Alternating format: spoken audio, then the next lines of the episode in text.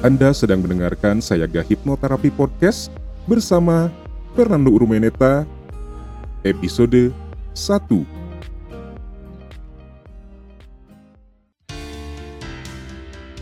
Selamat datang di serial audio podcast bersama Sayaga Hipnoterapi. Institusi penyedia layanan hipnoterapi dan konseling profesional di Kota Bandung yang membantu penanganan berbagai masalah kesehatan, emosi, dan perilaku yang mengganggu kualitas hidup.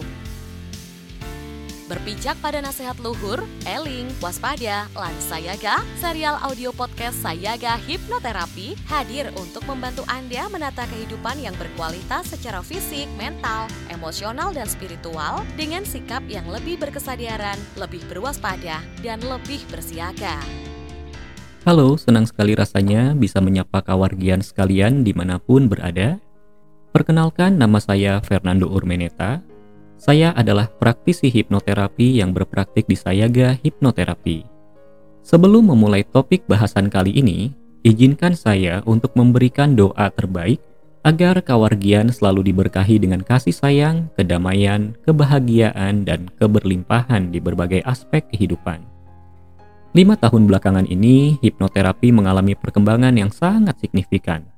Puncaknya adalah dengan berdirinya organisasi profesi yang menaungi para hipnoterapis dan terdaftarnya hipnoterapi sebagai salah satu profesi yang diakui oleh pemerintah Republik Indonesia. Perkembangan positif ini tentunya berdampak pada meningkatnya kepercayaan masyarakat terhadap hipnoterapi. Hal ini ditunjukkan dengan meningkatnya jumlah permintaan sesi hipnoterapi di Sayaga Hipnoterapi. Namun, seperti sebuah peribahasa yang berbunyi, tak ada gading yang tak retak, sangat disayangkan perkembangan signifikan terhadap hipnoterapi masih diikuti dengan berbagai kesalahpahaman atau miskonsepsi terhadap hipnoterapi itu sendiri. Itulah yang menjadi topik pembahasan dalam audio podcast kali ini, yaitu mengenai beberapa kesalahpahaman atau miskonsepsi terhadap hipnoterapi. Mengapa hal ini menjadi penting untuk dilakukan? Tentunya agar kawargian memiliki pemahaman yang memadai mengenai hipnoterapi, sehingga saat di satu waktu di kemudian hari kawargian membutuhkan layanan hipnoterapi, kawargian bisa mendapatkan manfaat maksimal dari sesi hipnoterapi yang dilakukan. Sebelum kita membahas mengenai hipnoterapi, ada baiknya apabila kita memiliki pemahaman yang memadai mengenai hipnosis terlebih dahulu. Apa yang dimaksud dengan hipnosis itu sendiri? Sebenarnya, hipnosis bukanlah sesuatu yang mudah untuk dijelaskan secara definitif. Sehingga apabila kawargian bertanya pada 10 orang hipnoterapis mengenai definisi hipnosis, maka ada kemungkinan kawargian akan mendapatkan 10 definisi yang berbeda. Namun meskipun ada begitu banyak definisi mengenai hipnosis, ada benang merah dari setiap definisi tersebut. Benang merah tersebut mengantar kita pada tiga pemahaman mengenai hipnosis. Pertama, kita dapat memahami hipnosis sebagai sebuah kondisi. Secara sederhana, hipnosis dapat dipahami sebagai sebuah kondisi di mana terjadinya perpindahan fokus pikiran dari pikiran sadar ke pikiran bawah sadar yang ditandai dengan terjadinya perubahan aktivitas gelombang otak dari gelombang beta menjadi gelombang theta. Hipnosis sendiri sebenarnya adalah kondisi yang sering kita alami dalam kehidupan sehari-hari. Contohnya adalah ketika seseorang sedang fokus membaca lalu tidak mendengar ketika dipanggil. Contoh lain adalah ketika menyaksikan sebuah film atau membaca novel yang sedih, kemudian ikut menangis meskipun mengetahui bahwa kisah di film atau novel tersebut tidak benar-benar terjadi. Kedua, hipnosis dapat dipahami sebagai sebuah keilmuan sebagai sebuah keilmuan, kita akan berhadapan dengan teori mengenai pikiran dan struktur pembentuk hipnosis, mulai dari preinduksi, induksi, deepening, pemberian sugesti sampai dengan terminasi. Hal inilah yang membuat hipnosis dapat dipelajari secara ilmiah. Dan yang ketiga, hipnosis dapat dipahami sebagai sebuah proses dan aktivitas sebagai sebuah proses, hipnosis dapat terjadi secara mandiri atau lebih dikenal dengan istilah self-hypnosis atau swahipnosis dan juga dapat terjadi dengan bantuan orang lain atau menggunakan alat tertentu yang lebih sering dikenal dengan istilah heterohipnosis. Terkait dengan hipnosis sebagai aktivitas, ada dua aktivitas hipnosis yang sudah dikenal oleh masyarakat luas, yaitu hipnosis panggung atau hipnosis hiburan dan hipnoterapi tentunya. Setelah mendapatkan gambaran mengenai hipnosis, sekarang tiba saatnya untuk membahas mengenai hipnoterapi. Seperti sudah disinggung sebelumnya, masih banyak masyarakat yang belum tepat dalam memahami hipnoterapi Kata hipnoterapi sendiri pun sering kali disalahpahami oleh masyarakat, bahkan oleh beberapa praktisi hipnoterapi sekalipun. Banyak yang mengartikan hipnoterapi adalah sebuah proses terapi menggunakan hipnosis.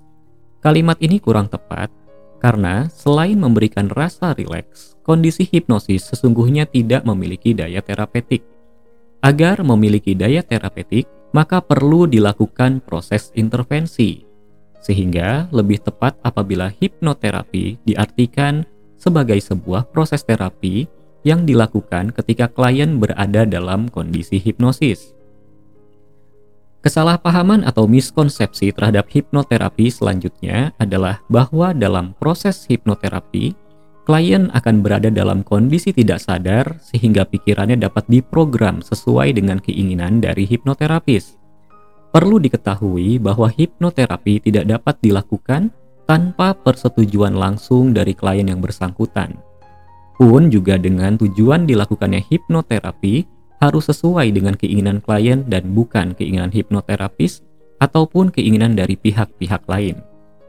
Terlebih lagi dalam kondisi apa pun, secara alamiah, pikiran manusia memiliki penyaring dalam menerima input dari luar diri.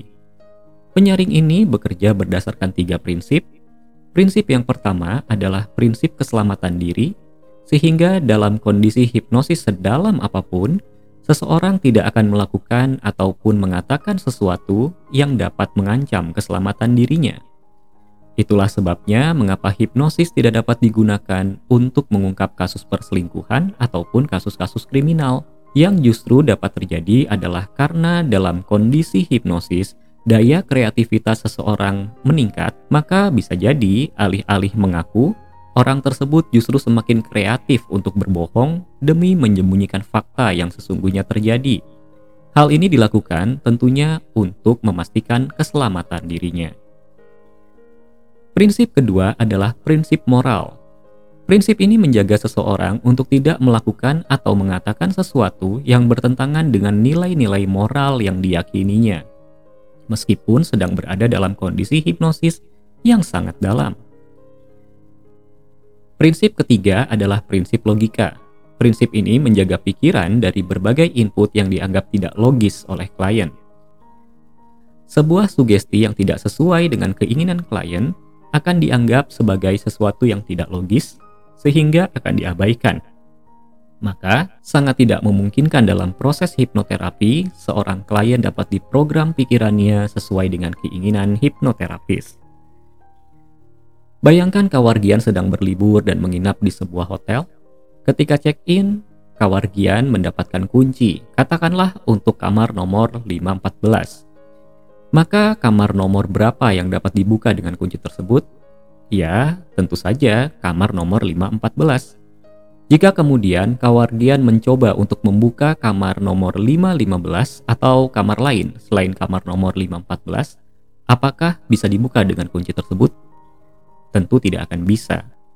Demikian pula dalam proses hipnoterapi. Apa yang dapat seorang hipnoterapis lakukan terbatas pada sejauh mana klien mengizinkan hipnoterapis untuk melakukan intervensi. Kesalahpahaman yang juga cukup banyak diyakini oleh masyarakat terkait dengan hipnoterapi, yaitu bahwa dalam sesi hipnoterapi klien akan tertidur. Pemahaman ini tentunya didapatkan dari berbagai tayangan hipnosis yang ditampilkan di televisi yang menampilkan seseorang yang seperti tertidur ketika dihipnotis. Perlu diketahui bahwa meskipun sama-sama menggunakan kondisi hipnosis, namun prinsip kerja hipnosis hiburan dan hipnoterapi sangat berbeda. Hipnosis panggung karena tujuannya adalah untuk memberikan hiburan, maka membutuhkan adanya proses yang dramatis. Proses dramatis itu tentunya didapatkan ketika seorang subjek seperti tertidur dan kehilangan kesadaran, lalu kemudian mengikuti sugesti yang diberikan oleh juru hipnotis. Lalu apakah benar ketika seseorang berada dalam kondisi hipnosis berarti dia sedang tidur? Di awal pembahasan ini, saya sudah menjelaskan bahwa hipnosis adalah perpindahan fokus kesadaran pikiran dari pikiran sadar ke pikiran bawah sadar yang ditandai dengan terjadinya perubahan aktivitas gelombang otak dari gelombang beta ke gelombang theta. Artinya, kondisi hipnosis terjadi ketika klien berada di kondisi theta, sedangkan ketika seseorang tertidur atau kehilangan kesadaran, maka aktivitas gelombang otak akan melambat dan didominasi oleh gelombang delta. Dari aktivitas gelombang otak ini, kita dapat mengetahui bahwa hipnosis tidak ada kaitannya sama sekali dengan tidur atau kehilangan kesadaran. Lagi pula, secara logika, jika dalam proses hipnoterapi seseorang akan tertidur atau bahkan kehilangan kesadaran, lalu bagaimana ia dapat merespon intervensi dan menerima sugesti dari hipnoterapis? Sampai di titik ini, saya berharap Kawargian sudah lebih memahami lagi mengenai hipnosis dan hipnoterapi. Dan mungkin saja Kawargian mulai bertanya, lalu bagaimana hipnoterapi bekerja dan dapat membantu Kawargian untuk menyelesaikan permasalahan yang sedang dihadapi?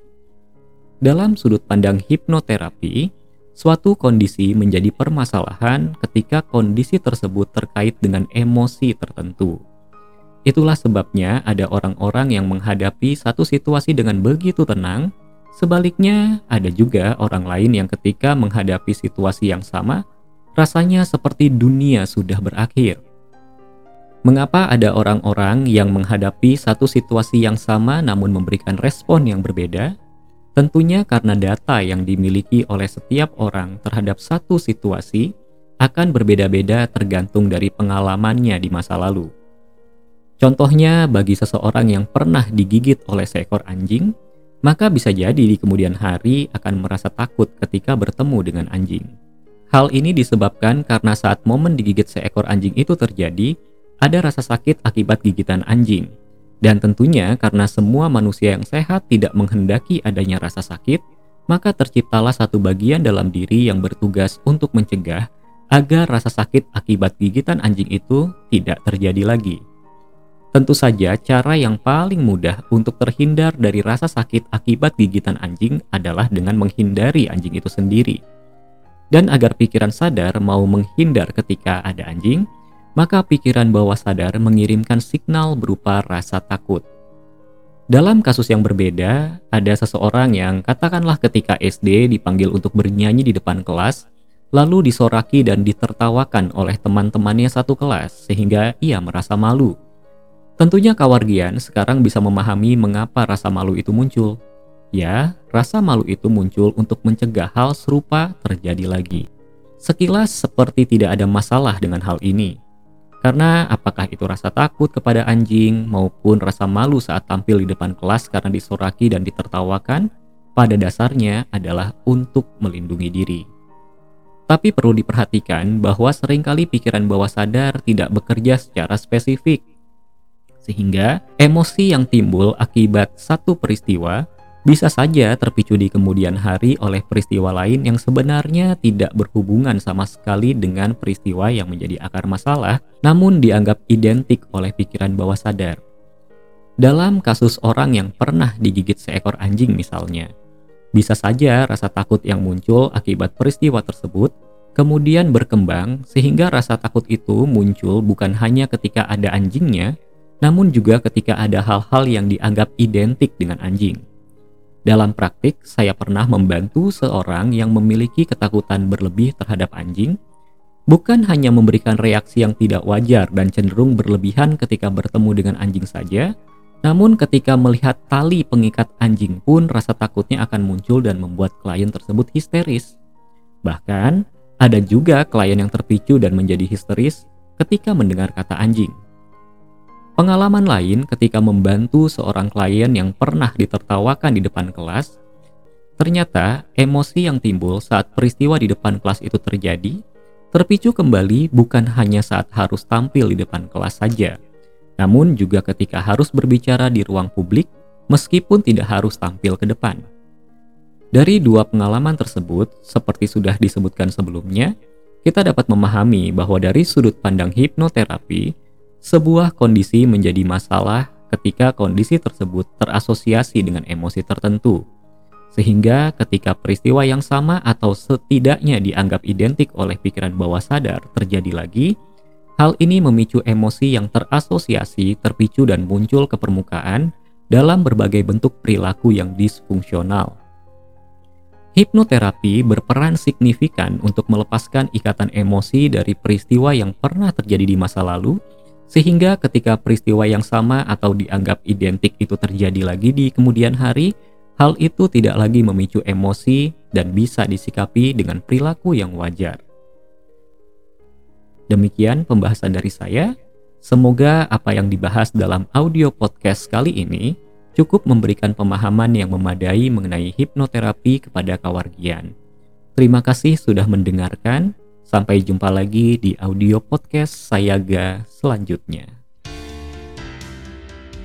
serial audio podcast Sayaga Hipnoterapi menghadirkan inspirasi kehidupan yang diintisarikan dari berbagai keilmuan psikologi dan pengembangan diri yang juga diadaptasi dari kisah nyata para individu yang menjalani program terapi dan konseling bersama tim profesional dari Sayaga Hipnoterapi.